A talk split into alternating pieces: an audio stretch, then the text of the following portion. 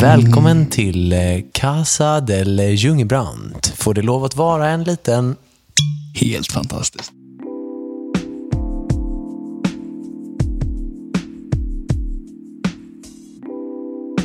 Då har vi en single malt scotch whisky. En eh, double wood, en 12-årig sådan. Får vi se vad du tycker att den smakar. Jag skulle vilja höra vad du tycker att den... Vad för doft har den Jonathan? Känner inget, smakar vatten. Precis. Eftereffekterna av corona är hemska för whiskyälskare. Inte det här sjukt egentligen. Och så har vi lagat lite mat förut och så bara stoppar jag en vitlök i munnen. Och så bara kunde jag, kunde tugga på den utan problem. En hel vitlök. Och så man bara, okej det är klart jag kände lite sting och att det var något som hände i munnen liksom. Men jag kunde liksom inte så här, ja. Nej men det var gött. Men eh, den här whiskyn, var den god då Peter om jag Ja. får fråga dig? Ja, det tycker jag verkligen. Mm. Den var lite mm, syrlig, syrligare än vad jag brukar. Jag, jag gillar ju ganska rökiga whisky. Mm. Den här hade ju rökig ton, men den var syrlig. Väldigt mycket syra. Så, ehm, Men vadå, är du, är du whiskydrickare? Gillar du whisky? Alltså, jag, jag gillar väldigt mycket whisky. Ja, vad kul. Whisky och vin. Men hur, hur, jag tänker så här, hur lär man sig dricka whisky egentligen? Jag är kanske inte, nu har jag corona så nu kan jag dricka allt, men jag är kanske inte så här just whisky-älskare. Men jag kan ju tänka mig att sippa på någonting, absolut. Men det är inte så att jag bara cravar efter en whisky. Kan du känna så? Jag har varit rökare i många år. Det är en, eh, jag, tror inte att det är för att man är rökare, men man har olika smaksinnen för att man har olika beteenden. Och så. Ja. Så, men som rökare så har man ju lite nedsatt luktsinne och, och såna här, jag, jag kan tänka mig att den här stingen är det som... är-. För det, det är liksom inte starkt och, och det är... Ja, jag fattar. Jag kan Ja, faktiskt det är mycket jag smaker som Ja. träder fram av det. Jag tagit så ett halsbloss en gång, så jag förstår precis vad du menar. jag har faktiskt provat det. Fina Jonathan. Gick förbi någon som rökte en gång. Jag vet hur det är. Jag gick förbi någon som rökte. Det luktar rätt gott faktiskt. Jag blev sugen på att börja. Nej, men mitt nyårslöfte var ju att börja röka, men jag har inte lyckats än. Nej. Men här sitter ju vi hemma i mitt vardagsrum med lite Ja. tystare volym för att min sambo är uppe och försöker natta eh, Novelli samtidigt som vi sitter här. Välkommen hit Peter. Tack. Framförallt så, så saknar vi ju en man idag. Det gör vi ju, det gör vi ju. Robin är ju iväg och åker skidor och gottar sig. Han är ju... Gud, var är han någonstans? Kläppen. Jag tror han är Kläppen. Ja, ja. Kläppen så, ja, just det. Det såg jävligt eh, nice ut. Jag, jag skulle verkligen vilja få, få till en sån här riktigt bra skidresa. Jag tror, jag tror att man är någonstans... Nu, Men du har ju nu- varit iväg och åkt skidor Ja, vi var ju i Säfsen. Ja, men det är bara vet, jag som känns- inte fått åka Ja, skidor. men det känns ju som... eh, Men du var iväg och testade... Ja, bara prova en Ja, eftermiddag ja. typ, eller en dag. Men det är ju Så ändå- Ja, det är ändå Alltså, lite. Ja, absolut. Mm. Säfsen kändes ju lite som, eh, du vet, backen bakom posten. Liksom, den stilen. Det var liksom, men det, jag åkte Åre och åkte liksom i, i eh, Österrike Alperna och sånt. Så Mm. man var lite bortskämd på det där. Ju, för nu är det så här, ah. Om man åker med någonting här så är det för sällskapet. Liksom. Ja, jo, men så är det lite. Och jägen. Ja, Ja. ja. ja, Det framförallt. är som min bror försökte få med min bror på att åka skidor. Vad fan ska vi inte dra och åka skidor? Ah, och bara för att få åka lite tänkte jag om att åka till Ulricehamn då. Han bara, Ulricehamn? Där åker man ju skidor. Jag bara, ja men det var ju det jag ville göra. Ja men han vill ju sitta bara till och dricka Jäger och bärs och eh, ha kul liksom. Jag bara, men det går ju inte under coronatiden då. För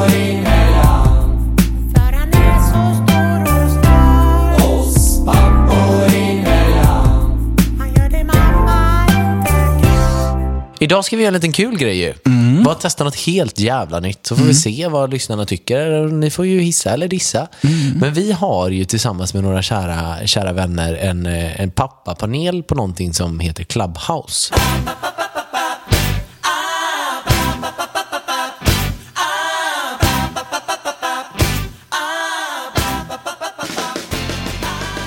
Clubhouse är en invite-only-tjänst där det finns en panel som håller ett eh, samtalsämne och deltagare som kan sträcka upp handen för att delta i samtalsämnet. Tack så mycket. Just in time. Hej Peter! Hallå, hallå, hallå. Hej grabbar! Klockan är 30 och eh, halv och vi ska gå igen, hoppa in i det här tänker jag. Det här ämnet som vi tänkte ta upp idag är riktigt, riktigt svårt för mig för att ehm, jag vet att som en förälder, speciellt en pappa, eh, häromdagarna så var det en person, en man, vars barn blev utsatt för mobbning. Och eh, den här pappan då, pappans fru till och med, hade gått till den här skolan och skulle prata med den här läraren. Mobbarna och en av mobbarna fick för sig skulle ge sig på den här kvinnan. Vilket hon gjorde. Och det kvinnan gjorde, enligt mig, var helt rätt. Men man vet inte historien bakom det helt och hållet. För det sägs att den här kvinnan, mamman då till den här mobbade barnet, eh, brottade ner tjejen och slog sönder den och så vidare och så vidare. Medan hon säger att eftersom den här kvinnans mamma var också med och mobbaren slog kvinnans mamma. Så att hon gick in för att försvara den mamman genom att brotta ner den här tjejen och trycka ner den mot marken. Ja, och så blev det värsta stora grejen av det. Och det som jag vill prata om idag är det här som jag tycker är så svårt. Som, hur långt ska man gå som en förälder för att skydda sitt barn? Och speciellt vi pappor. Jag tror att vi har, jag vet inte, jag, jag gissar bara, men jag känner en personligt ansvar, extrem ansvar att se till att mina barn inte blir i, som kränkta, mobbade och, och, och, och misshandlade på något sätt. Så jag tänkte att det här är ett ämne som vi pappor måste hjälpa varandra med. Ni kanske har tankar och idéer och, kring hur och vad. Jag, jag vill bara höra hur det här går i era huvud. Och även ni som sitter här nere och lyssnar. Det vore nice om ni redan i början, om ni har tankar och idéer och vill kommentera någonting. Det är bara att räcka upp handen. Så går vi igenom det här. Men först och främst så vill jag höra vad våra moderatorer har att säga. Så att um, jag vill börja med, uh, vi börjar med Jonas. Jonas, vad säger du? Uh, jo, nej, men du skickade ju det här klippet uh, i veckan och i och med att vi skrev om det i uh, vår gruppchatt som vi har där. Uh, Mm. och jag, jag har ju gått och tänkt lite på det och jag, ja, nu sa ju du att du hade, eller har varit så inställd att du, du tar till fysiskt våld. Jag är väl snarare det raka motsatsen. Jag har aldrig varit i bråk i hela mitt liv. Utan jag hade ju verkligen försökt att ja, men ta det verbalt men sen så vet man ju inte hur man hade reagerat. I och med att, ja, min dotter är- hon är ju bara åtta månader men jag är ju helt övertygad om att jag hade blivit helt rasande om jag hade då, eller fått höra att någon hade, jag vet ärligt talat inte hur jag hade reagerat. Eh, och i och med att man, som du sa, att man inte vet allt vad som, vad som verkligen utspelade sig där så När du, när du såg den här videon, kände du att du hade någon typ av, alltså någon typ av extra... För, för jag vet inte, jag, jag, jag undrar om man som en man kanske tar på sig ansvaret lite extra för att vara den som är utåtagerande ut ska skydda barnet. Jag vet inte hur jag tänker. Alltså om man hade hamnat i sitsen att det skulle bli något fysiskt så tror jag definitivt att det, jag hade kanske klivit in och tagit den rollen. Men eh, i det verbala så tror jag nog snarare att min eh, sambo hade varit den eh, mest drivande. Eh, hon är betydligt mer eldig än vad jag är. Jag är en ganska lugn och sansad person vanligtvis. Eh, Tack Jonas. Det går över. Josef, vad säger du? Eh, ja, tack så mycket för att jag får berätta. Jag eh, såg den här videon och jag gick in och skrev lite eh, till eh, pappan och så gick jag in till mamman också och kollade. Eh, jag kommer ju också lite grann från bakgrund där det var lite bråkigt och sånt där. Men eh, tyvärr så är det vissa eh, eh, vet du, ungdomar eller, eller vuxna till och med. De förstår inte om du pratar med dem. Och de förstår ju bara vet du, det, tyvärr våld. Eh, men hade det varit mitt egna barn nu i, den här situationen så hade jag försökt att eh, eh, vet brotta ner personen. Men med den ilskan man har från vad som har hänt innan, då kan det bli väldigt svårt. Men min Mm. första tanke var bara, du måste sätta stopp på en gång. Jag hade, nog gått, jag hade skyddat mitt barn till 100 procent i alla fall. Alltså, det, det finns ju det här som, som, vi, som vi alla vet, vi är vuxna, vi ska inte ta hand om alla människor egentligen. Inte bara våra egna barn, men andras barn också. Ja. Föregå med gott exempel. Men det finns en nivå utav... utav ehm, jag vet inte vad jag ska kalla det för. Jag som har jobbat i förorten hur länge som helst Mm.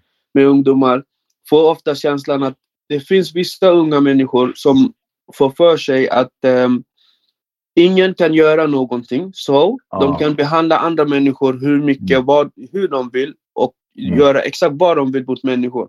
Och de fattar att systemet kommer på ett eller annat sätt eh, gynna dem mer än vad det kommer göra. Alltså även i det dåliga beteendet kommer de få sin Mm. vilja igenom. Mm. Jag har jobbat med ungdomar som slår sina föräldrar och säger att ja, men vad ska ni göra? Ni låser Mm. in mig hos oss, jag kommer tillbaka om en stund. Mm. Och de är medvetna om det här. Så jag, jag brukar bara tänka på tanken, ska jag gambla med mitt barn eller ska jag, ska jag liksom, inte mina barn då, men ungdomarna som jag hade, ska jag bara låta dem här vara, en, vara offer för systemet? Mm. Eller ska jag rycka in som en vuxen människa? Ja, men, men samtidigt också, det... ehm, eh, ja, jag kan berätta lite grann om mig själv så, så kanske man förstår det lite. Vad skillnaden är idag och kontra hur det var kanske när jag var yngre. Nu är jag 39 år.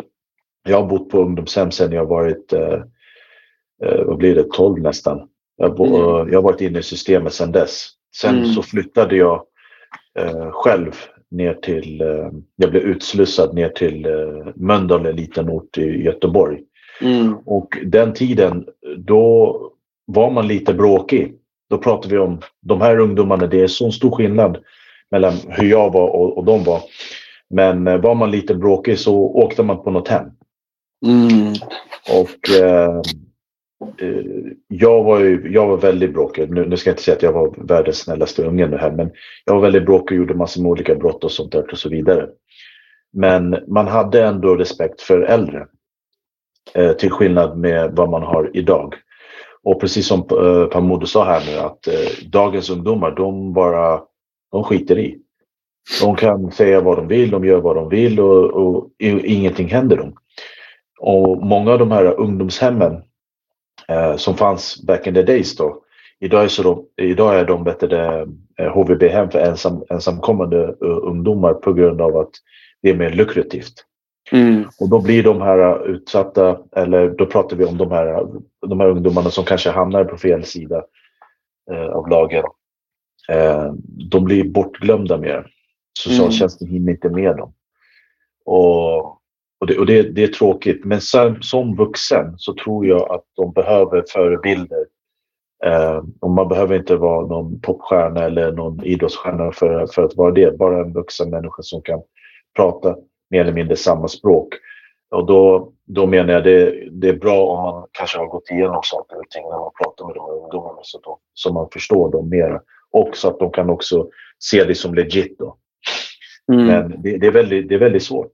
Men med det här med mobbing, jag, jag står väldigt starkt emot mobbing. Även när jag var yngre så var jag med i en antimobbingsgrupp i de olika skolorna jag gick i. Mm. Eh, och ingen, oftast, oftast så lyssnade de på mig för att jag, hade alltid, jag kunde alltid eh, stoppa mobbingen på, på ett eller annat sätt när jag var Ja. yngre. Ja. Men eh, idag så har det gått så pass långt att du vet, nu kan man skriva bakom en, bakom en skärm och skriver man vad som helst och ingenting händer. Mm. Och så kommer de med deras eh, tomma hot och sånt där och, och skit. Och, Mm. eh, men det, det är svårt. Det är svårt. Jag tror att jag hade, jag hade flippat alltså. det är vad jag tror. Ja. Men försöka att sansa mig. Eh, alltså det, det är svårt när det är sitt, eh, sitt egna barn. Och det är likadant där också med att den här grannskapen, det här ge- gemensamma, att man ser kanske någons barn gör någonting eller att man stoppar. Du vet. Det finns Det är inte därför, längre. det är därför, det är därför sådana här grupper är bra.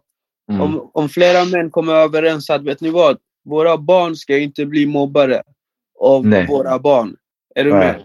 Ja. Vi, vi, vi tillsammans måste se till att vi sköter det hemma. Det måste finnas en öppet klimat där vi kan prata om det. Om Ja. min dotter kommer hem till mig och säger att din dotter håller på med konstigheter. Då är det Mm. mitt ansvar att försöka lära min dotter att det så gör vi inte. Mm. Liksom, och verkligen ta tag i det. Mm. Och inte, för ibland kan jag känna att föräldrar själva är med och hjälper till den här mobbningskulturen. Mm. För om, om föräldrar hör hur pappa pratar om grannen, hur de pratar om andra människor, då är det lätt att de tar efter. Men vidare till situationen som, som vi snackar om nu. Mm. Liksom, din dotter hamnat i kris och att det, hon mobbas in i, i, i skolan. du går dit och försöker göra någonting åt saken och de här mobbarna bara ger sig på henne eller ger sig på någon, någon närmast dig. Och vad ska du göra? Hur ska du göra? Och, och hur, är, hur är tanken? Hur går tankarna? Hur ska vi skydda våra barn mot mobbning och allt vad det innebär där ute i världen? Det finns en hårdare klimat. Mm. Det, det finns liksom, det är mer handling än vad det är eh, verbalt. Mm. Du, du går till attack mer än att du står och pratar och pratar. Ja. Så om du kommer in dit och, och du försöker prata med någon som verkligen vill banka ditt huvud in i väggen.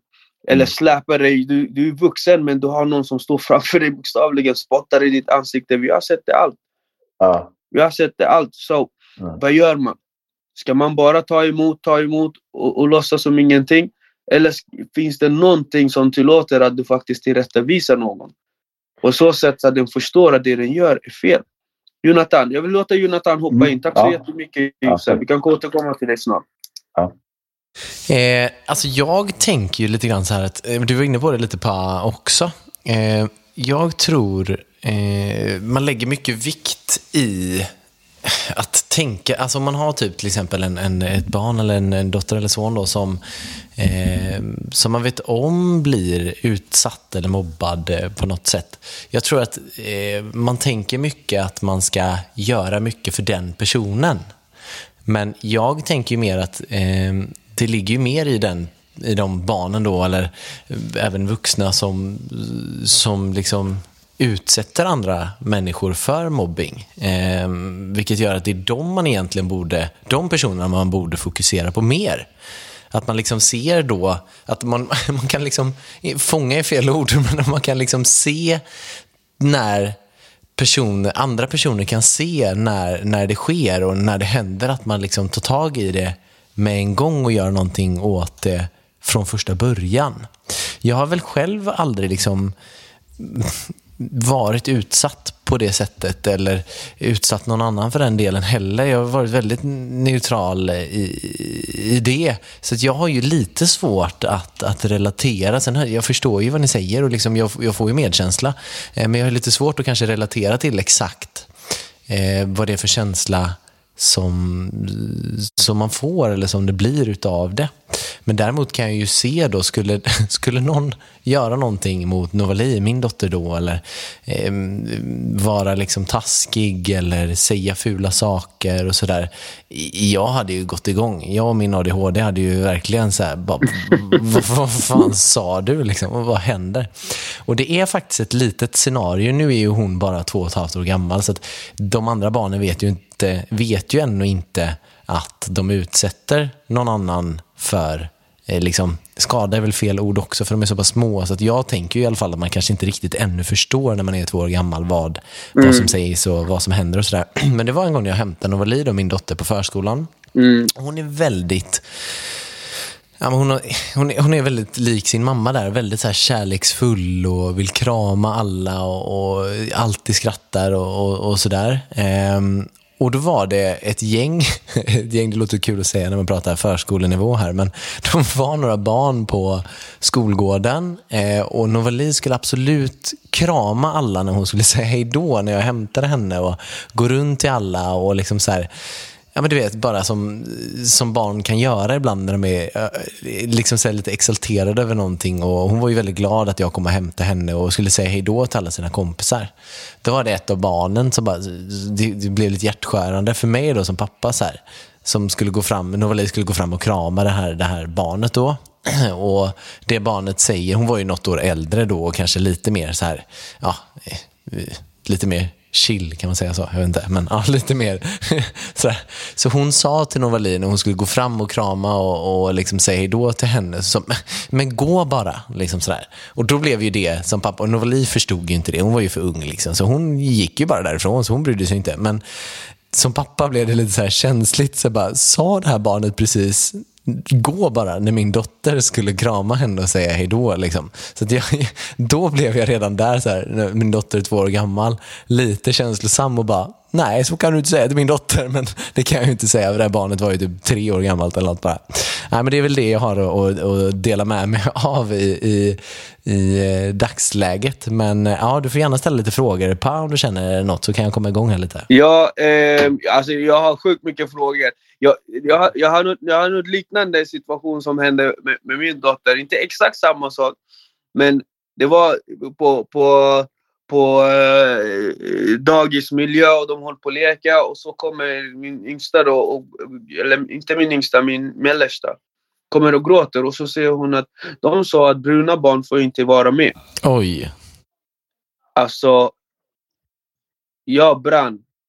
Jag, jag, jag brann, jag brann och jag var tvungen att liksom gå iväg och andas för min egen skull. För att det, det där tog mig verkligen. Och då försökte jag, men vet du vad? Du, då kan du följa med här så får du leka med mig. Jag är mycket roligare. Samtidigt som jag ville inte att det skulle bli ett faktum. Att det skulle bli liksom, att det, det skulle det skulle vara att, eh, ja så är det, man går därifrån. Så jag försökte, okej men vi går tillbaka, så försökte jag skapa det. Hur jag vände det var att jag var så arg. Och så ledsen mest. Och det förvandlas ju till ilska när man ser det här ske. Och de här barnen vet ju inte vad de håller på med. De är så pass små, de är bara fyra år gamla. Så jag känner liksom att okej, okay, hur, hur ska jag få Amina i alla fall att vara glad? Och då satte jag ihop värsta leken. Alltså jag lekte med henne, vi sprang runt och helt plötsligt så fick vi flera och flera och flera barn på vår sida som lekte. Så till slut så var det bra. Men det här har verkligen satt sitt spår hos mig och, och det är någonting som jag tyckte var jättetråkigt. Hur, hur kanaliserar du de här känslorna som du får själv? För det är en sak att få höra de här olika grejerna och få se de här grejerna ske. Och det är en helt annan sak som vuxen och bara leva med det. Hur gör du? Hur tänker du?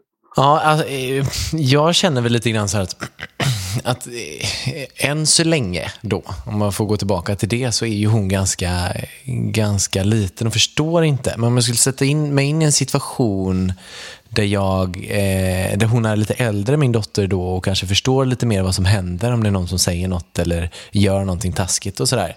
Så alltså, det, det jag, jag är ju den personen som agerar. Jag, jag, jag kan ju inte hålla käft normalt fall. Så att jag, jag hade nog liksom inte gjort något dumt eller taskigt, men jag hade kanske agerat i den mån att prata med föräldrar eller göra någonting åt det, situationen. Jag vill ju varken att min dotter ska utsätta någon eller bli utsatt själv.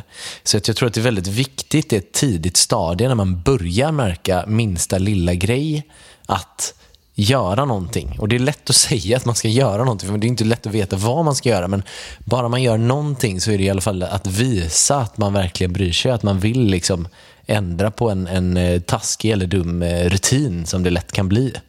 Så tänker jag.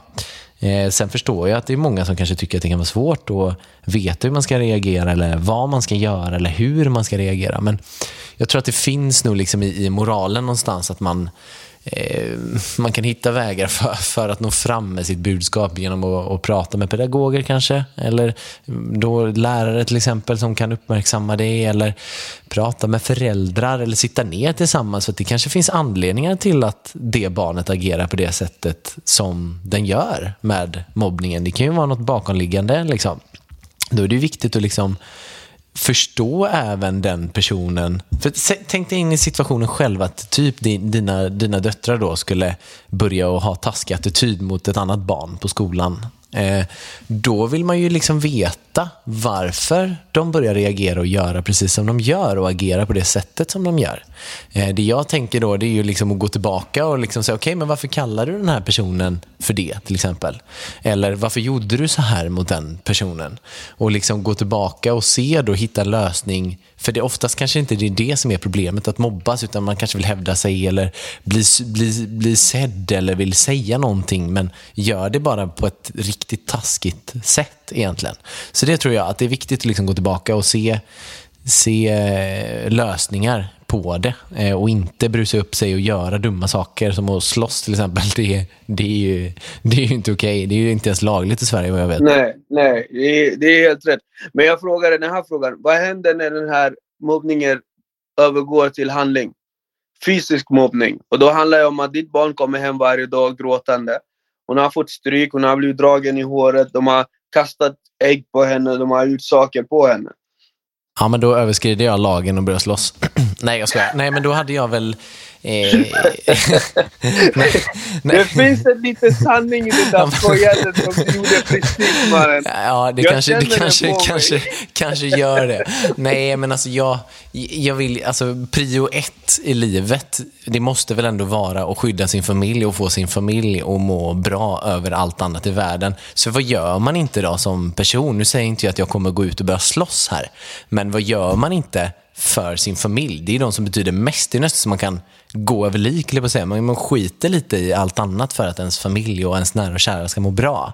Det gäller ju även liksom vänner och det gäller ju även Ja, men alltså, eh, släktingar och sådär också, men att man, man, man, man gör ju det man kan. Men ja, till frågan då, jag tror inte ändå att jag skulle börja slåss, men jag kanske skulle kunna ryta till ordentligt. Jag, eh, jag är ganska normalt sett snäll person, men eh, skulle någon göra någonting mot min familj så hade jag ju ändå hörts. Man hade inte missat att jag, jag blir arg, kan man säga, om man säger så. Då. Jag, jag, vill inte, jag vill inte skrämma dig på något sätt, men jag kan säga i, våra trakter där jag är uppväxt och där jag hänger just, där jag bor just nu, även här jag bor just nu. Jag ser någonting som jag ogillar starkt. Det en känsla utav att barn och ungdomar, de har, jag vet inte, det är en helt annan klimat som sagt än för Det finns en rätt som de kräver och den rätten har övergått till att till och med rätten att kunna säga vad man vill, hur man vill och de tar inte ansvar för något. Och det skrämmer mig väldigt mycket. Liksom, att, att mobba och, och se på när andra barn och ungdomar blir utsatta eller själv eh, vara i det och, och, och sära på folk och så här verbala mobbningen och den här fysiska och den här internetmobbningen som pågår. Det är hemskt och det är väldigt, väldigt skrämmande. Så att jag vet inte. Mina tjejer liksom, de blir ju äldre och äldre och Kine, min äldsta är bara sex år, hon ska fylla sju. Och Amina ska bli fem, Serafina blir tre nästa år. De blir äldre och äldre och det händer saker här och var. Och jag säger inte att de är perfekta för jag vet att de har sina brister själva. Men det skrämmer mig på vad vi är på väg till och hur jag kommer kunna hantera den grejen. Um, och som du säger, man, man vill ju verka, man vill sina barns bästa för de är så små. Då vill man inte se andra barn försöka skada dem och få dem att må dåligt. Och tanken på att det finns barn som tar livet av sig på grund av vad andra säger, andra barn säger eller skriver om dem. Det skrämmer mig verkligen.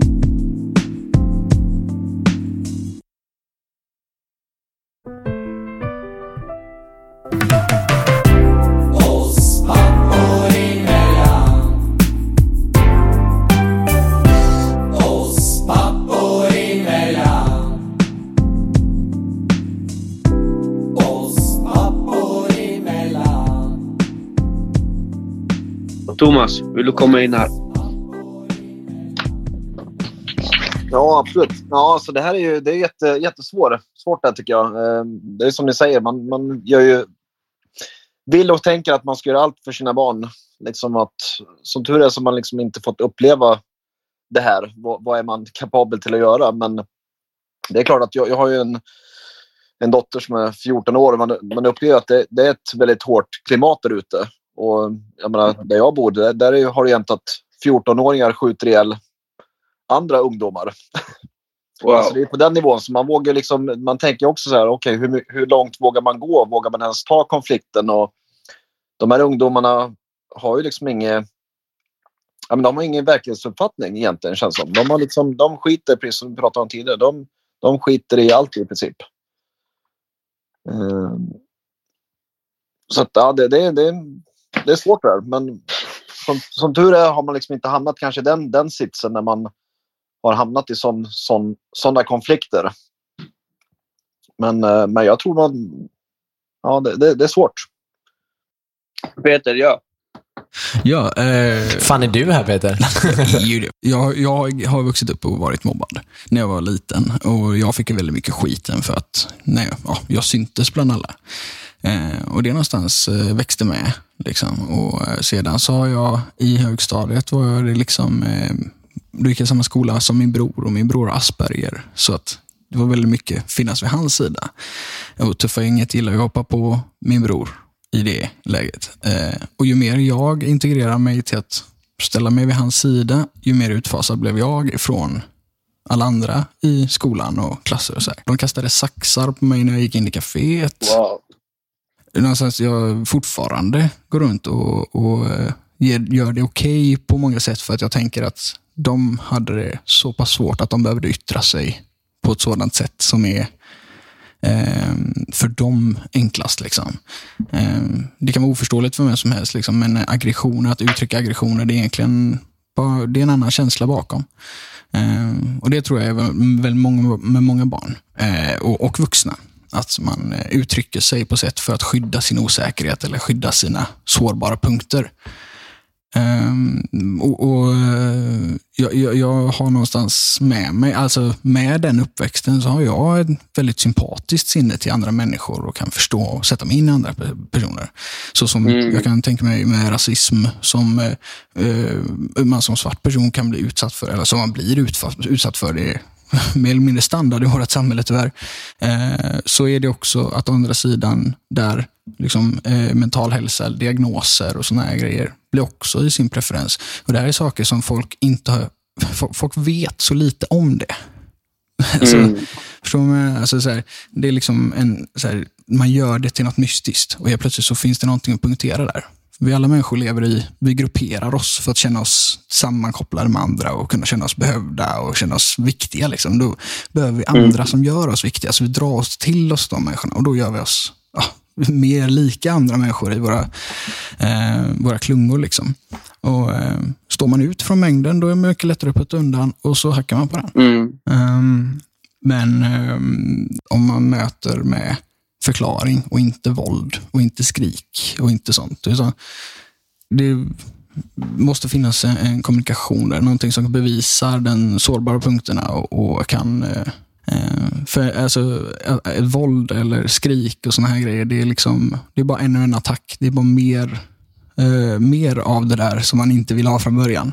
Mm. Eh, och Jag tror inte att eh, eld på eld gör någonting mindre brinnande. Liksom. Det är helt fantastiskt det du säger och jag är väldigt liksom, ledsen för vad du har fått eh, eh gå igenom tidigare.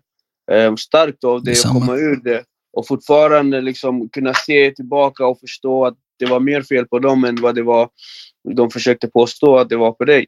Eh, jag, jag tänker bara på en sak som fritidsledare. När, när man säger att eld mot eld. Eld släcker inte eld, liksom. det är eld mot vatten. Mm. Det fanns en viss ungdom som var väldigt utåtagerande, väldigt våldsam, väldigt ja, nära in på kriminell. Och eh, den här killen hade en tendens till att mobba andra människor, slå sönder barnen, stoppa deras huvud i toaletten. Eh, många vågade inte komma till gården för att han var där. Många vågade inte liksom gå där han gick och väldigt, väldigt utåtagerande. In och ut hos Eh, som, och vi försökte med all typ av terapi och prat och allt man kunde göra för att hjälpa honom. Det gick bara inte. En incident som hände var att en dag så var han ute och det hände någonting och så springer han in i köket och så tar han grepp av tag i en kniv snabbt. Vi hade ett, ett, ett område som var, som var köket där alla satt och åt.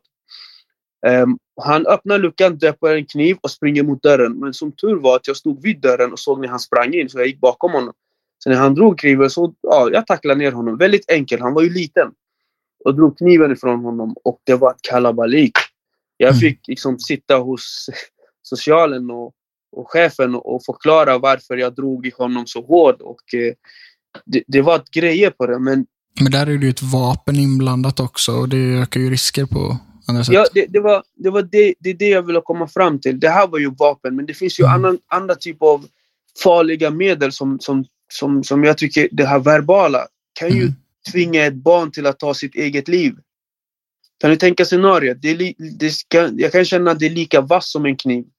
Ja, verkligen. Ibland. Det kan kännas så tungt så att man, man ser hur barn vill inte gå i skolan. Barn vill inte komma utanför sina lägenheter. Barn tycker inte att de är tillräckligt vackra, att de är tillräckligt snygga, långa.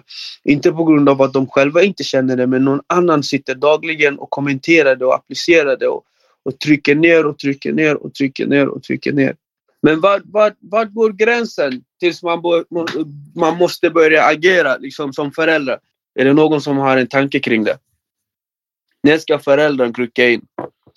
Jonas, vad säger du? Alltså, Alltså, fight, är det, alltså det, är det, har det med mobbning och sådär att göra då, då tycker jag ju inte att eh, barnet ska eh, behöva ta det själv. Alltså den, den, där, känner jag, där ska ju barnet känna att den har uppbackning. Eh, antingen från föräldrar, kompisar eller i alla fall skolan. Eh, eh jag menar, alltså när jag växte upp, jag, var ju, jag fick ju gå till rektorn för något sådär. Jag höll ju på att skita på mig. Samma sak och, eh, när mina föräldrar fick reda på det. De, de blev rasande och jag, jag var ju livrädd. Alltså inte, inte livrädd så men man eh, var ju... Oj, nu vaknar min dotter. En sekund där bara. Jag kör du. Vi låter några av, några av de andra grabbarna hoppa in här. Det, det, det är en svår sits att hamna i. Och när man själv som vuxen ser att den här barnen mår inte bra själv. Nej. Hur löser man liksom beefen? Jag, jag, har ingen, jag har ingen bra lösning på det. Det, det hade, jag vet inte, som en utväg kanske, försöka prata med barnet själv. Mm. Men det är det här, vad ska jag kunna göra om föräldrarna inte kan göra någonting? Om deras närstående inte kommer fram till dem? Mm. Lärarna kommer inte fram till dem. Jag Mm. som en okänd person vars son blir mobbad av den här personen. Mm. Vad ska jag kunna göra? Alltså rent verbalt, tänker jag mig. Det jag kommer satsa mycket på, det är att bygga upp en karaktär hos mitt barn. Så Mm. att den håller sig borta från sådana saker. Samtidigt som att den kan försvara sig mot sådana saker också. Det- Yes. Det, det, då ger jag den, mitt barn de bästa förutsättningarna. Som jag kan ge, egentligen. Mm. Så jag tänker. Tack man. Tack, Tack, för, för dina ord. Det som jag kan få med, som jag tycker var så bra, det är att påverka det jag kan påverka. Uh, Peter, vill du säga någonting? Eh, hur man hanterar situationer för barn kan, kan ju också vara väldigt skildrande mellan eh, tjejer och alltså pojkar och flickor. Eh, Mm. Det hanterar ju väldigt mycket olika, alltså killar är ju mer ja, pang på fysiskt. Det, ska vara liksom, det, det, det kan bli liksom ett slag här och var. Det är liksom mera skällsord och mera liksom aggressivare grejer ofta. Eh, Mm. Medan tjejer eh, i generell uppfattning, självklart, eh, är, är mer en psykologisk. eh, Alltså det, och det är ju mycket svårare att se någonting som typ att bli, bli tystbehandlad, så att säga. Att folk inte pratar med en. Det är också en Mm. mobbning eh, som Mm, påverkar verkligen. en väldigt mycket psykiskt. Och det är ju någonting som ingen kan se och det är inget som man kan uppmana Utfrysning. till. Ja, utfrysning, precis. Det är inget man Mm. riktigt kan hantera i, i kommunikation med någon ens. Liksom. Om man säger, ja men den personen, det är ingen som pratar med mig. Det, Det, hur, hur ska man kunna få sitt barn att känna sig trygg eller kunna känna sig behövd eller känna sig... Eh, ja, att ta sig igenom den processen. det är en jättebra fråga och vilket bra liksom, tema. Jag tror att det här, det, det, det, det som vi pratar om nu, bara det är liksom en helt avsnitt för sig själv. Um, utfrysning är en av de värsta, värsta, värsta grejerna som händer där ute bland tjejer speciellt, tjejgruppen. Det, det händer bland killar också, men jag upplever personligen så, så har jag varit med om liksom, med mitt arbete inom både fritidsgårdsarbete som fritidsledare men också eh, med olika föreningar som jag har jobbat med tidigare. Eh, det är det värsta som kan hända ett barn. Där jag själv som en vuxen person känner att jag inte har någon makt över att förena den här personen med andra grupper, hitta en kompis till den. För att man bara fryser ut den. Det är psykologiskt påfrestande. För den som det drabbar och alla andra runt omkring. För en förälder kan till och med gå ner till knäna och försöka be för de här kompisarna, göra allt för att de här kompisarna ska tycka om ens barn. Men har de bestämt sig däremellan att de ska vara så mot de här barnen, de kan vara väldigt, väldigt, väldigt tråkigt. Och det kan vara väldigt, väldigt svårt för de här barnen att hitta ett sätt att vända på det hela. Det jag har gjort, lyfta upp den så att den får vara den coola, den får vara, liksom, vara med där platser där de alla andra vill vara. Jag kanske fixar någon biljett till någon spelning. Jag kanske hänger upp den med någon annan familjemedlem eller så. Vi kanske sitter i studion och skriver en låt tillsammans. Eh, de ser mig som artisten Pamodo som skriver en låt med den där personen. På så sätt har jag vunnit väldigt mycket med de här ungdomarna då som jag haft kontakt med. Jag har tagit dem till studion, ger dem ett sammanhang att vara i, ta bort dem från den kanske destruktiva, om det är skolan som är jobbigt. ta dem till föreningen där de får sitta och träffa nya kompisar, hitta samma intressen. Det krävs ett helt arbete med ett helt team som tänker på samma sätt. Det krävs att föräldrar inte, inte fastnar i det negativa och, och, och, och bara vända på det hela. Försöker jobba med det positiva den här personen har. Det är jätteviktigt. För går man igång på att försöka tvinga andra barn att bli kompis med ens egna barn. Det skapar en sån negativ spiral. Det, det, det, det är bara jobbigt. Det skapar ännu mer andra konstigheter. Eh, jag, jag hade en textskrivare, eh, ja, förfa- författarsession med, med eh, SFI-elever. Och eh, då, då gjorde jag, det var en kille som var väldigt utputtad från alla. Men jag försökte lyfta upp honom, jag placerade honom lite mera i, i, i centrum och bara, men vi fokuserar på det här som du vill skriva om och liksom tog mycket delar av hans där. Eh, och det blev mera en negativ effekt av det i eh, att det, de såg det mer som en favori, att jag favoriserade. Och helt plötsligt så blev det att han var Ja, liksom... ja, hon, han, han blev favoriserad liksom. Ja, precis. Och, då- och då blev det en omvänd situation av det hela, vilket inte funkade alls. Så det är ju väldigt svårt att av, här, bli av med den situationen också. Ja. Men, men kom ihåg vad jag, sa, vad jag sa till dig. Det krävs ett helt team, men det krävs också ibland att du lyfter upp personen från den gruppen och sätter den i en annan grupp. Mm. Där den får vara en ny person som kommer in naturligt och får en roll. Så att man inte får veta allt det andra de andra har att tycka och tänka och säga. Så de inte blir påverkade. Det är sant. Är du med? Det är väldigt sant. För det, det, det är jätteviktigt att man gör det målmedveten. För det är här jag ser många föräldrar, eftersom som jag sa, jag jobbar med ungdomar. Jag ser föräldrar komma till fritidsgården och bara "Ah, mitt barn är utfryst, den får inte vara med, den mobbad, den känner sig si och den vill bara vara hemma. Varför är det så? Och sen är de fast i det negativa.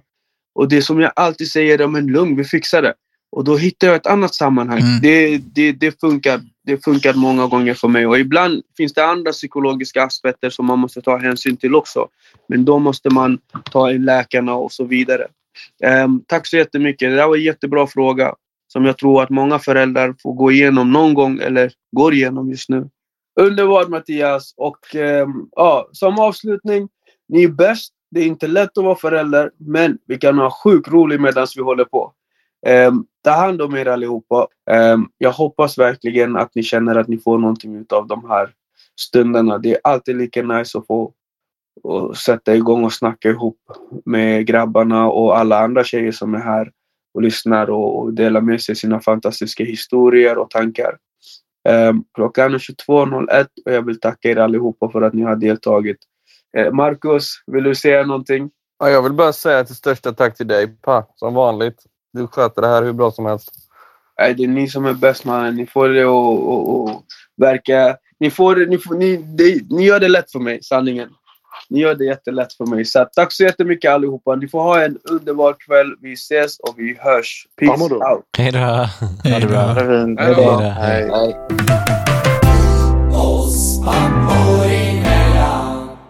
Ja, vad tycker vi då Peter? Det var väl lite spännande eller? Ja, det var ett intressant samtalsämne vi hade här idag. Så här nästan lite gripande vissa stories som man hörde. Och som Pa var in på, Pa är ju Pamodo från eh, Panetos.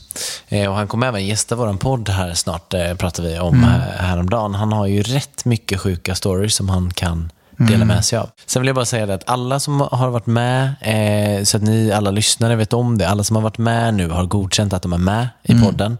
Eh, vi har ställt frågorna, även om det klipps bort, så vet ni att vi har ställt frågan till alla som eh, kommer delta här nu i, i podden, att det är okej för dem att vi har spelat in och det är okej för dem att eh, vara med och sända podden. Eh, och vi, eh, för er som var intresserade av att höra mer av pappapanelen så kommer vi köra den varje onsdag på Clubhouse 20.30 2030. onsdagar. Och är det så att man inte har Clubhouse, nej men skriv till mig eller Peter eh, då.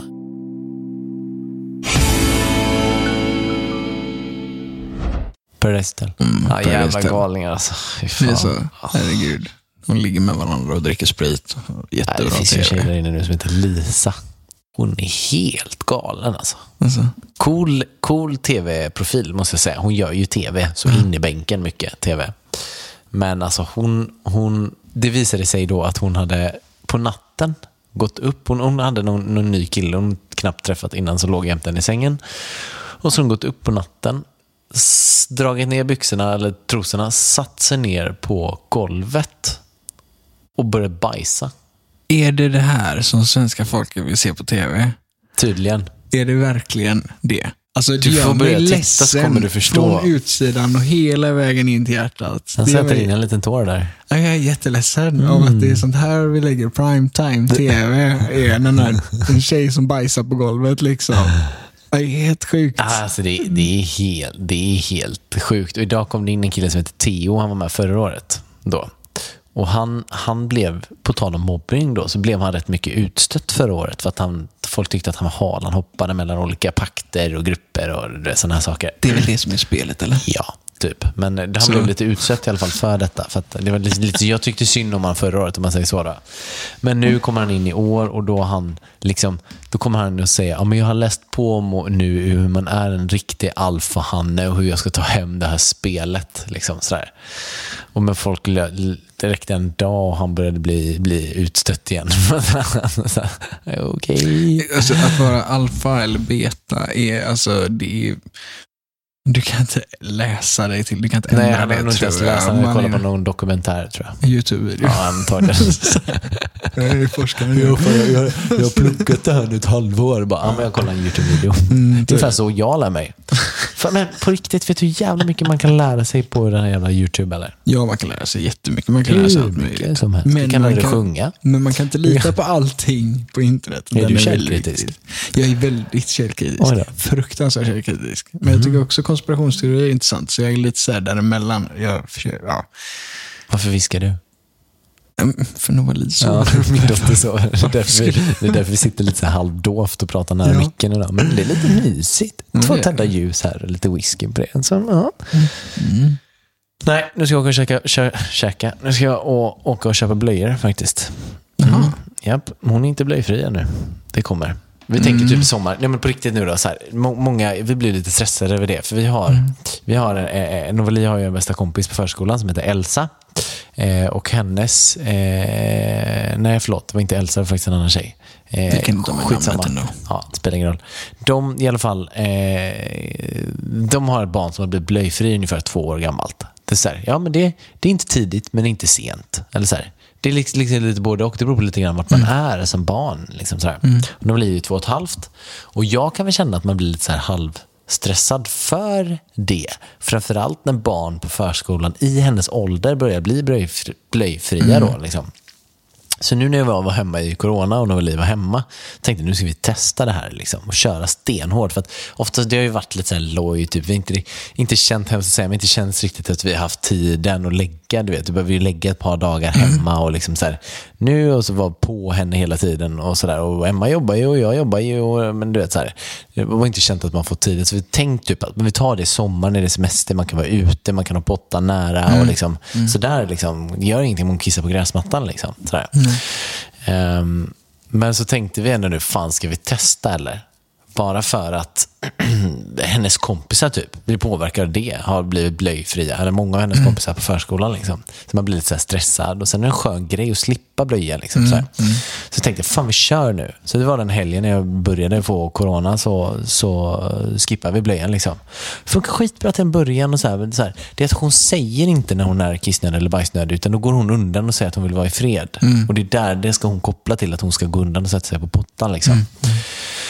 Ja, eh, utan blöja hela helgen. Funkar det? Sådär, det är bara att man får påminna. Nu ska du gå och kissa, så får du det här. Liksom, man får muta henne. Gå och kissa nu. Och så, sen så var det en bajs. Plötsligt så hade hon bajsat i pottan. Och sådär. Vi har ändå fått det att funkat hyfsat. Sådär. Fast inte att hon gör det självmant. Men till sist så var det någon gång så bara, pappa, jag måste kissa. För hon kände att det börjat komma typ, sådär, eh, kiss. Och hon sprungit in och börjat kissa på pottan. Och sådär. Ja, Det är ju men bra första det på väg. Sådär, liksom.